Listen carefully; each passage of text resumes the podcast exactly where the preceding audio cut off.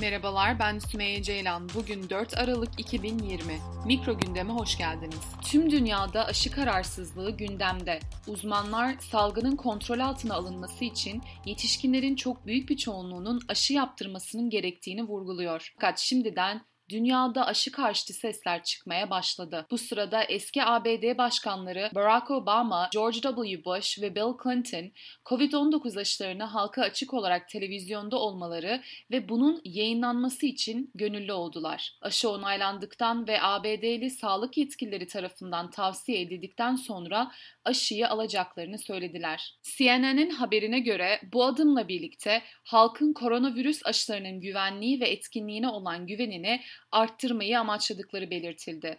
Anketler ABD halkının büyük bir kısmının aşılanma konusunda isteksiz olduğunu gösteriyor. Pfizer ve Moderna aşı denemelerinin sonuçları yayınlanmadan önce Ekim ayında yapılan bir ankette 10 Amerikalıdan sadece 6'sının aşı olmayı istediklerini gösterdi. ABD'de henüz bir aşı onaylanmadı ancak yetkililer önümüzdeki haftalarda Pfizer ve Moderna'nın aşılarını inceleyecek. Barack Obama çarşamba günü bir radyo röportajında İnsanların bilime güvendiğimi ve güvenmediğim şeyin Covid olduğunu bilsinler diye sonunda bunu televizyona veya filme almaya başlayabilirim dedi. Bush ve Clinton'ın temsilcileri ise CNN'e mümkün olan en kısa sürede aşı olacaklarını ve tüm Amerikalıların da aynısını yapmaya çağırdıklarını söyledi. İngiltere'de ise Pfizer aşısı hali hazırda onaylanmış durumda ve Başbakan Boris Johnson'ın basın sekreterine göre Johnson da başkalarına da aşıyı yaptırmaya ikna etmek için televizyonda canlı olarak aşı olabileceğini ifade etti.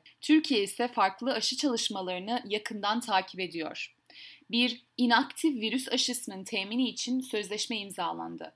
Bir mRNA aşısı için de görüşmeler devam ediyor. Sözleşme yapılan Çinli Sinovac firmasının geliştirdiği COVID-19 aşısının ilk kısmının Türkiye'ye 11 Aralık'tan sonra gelmesi bekleniyor. Dinlediğiniz için teşekkür ederim. Bir sonraki mikro gündemde görüşmek üzere.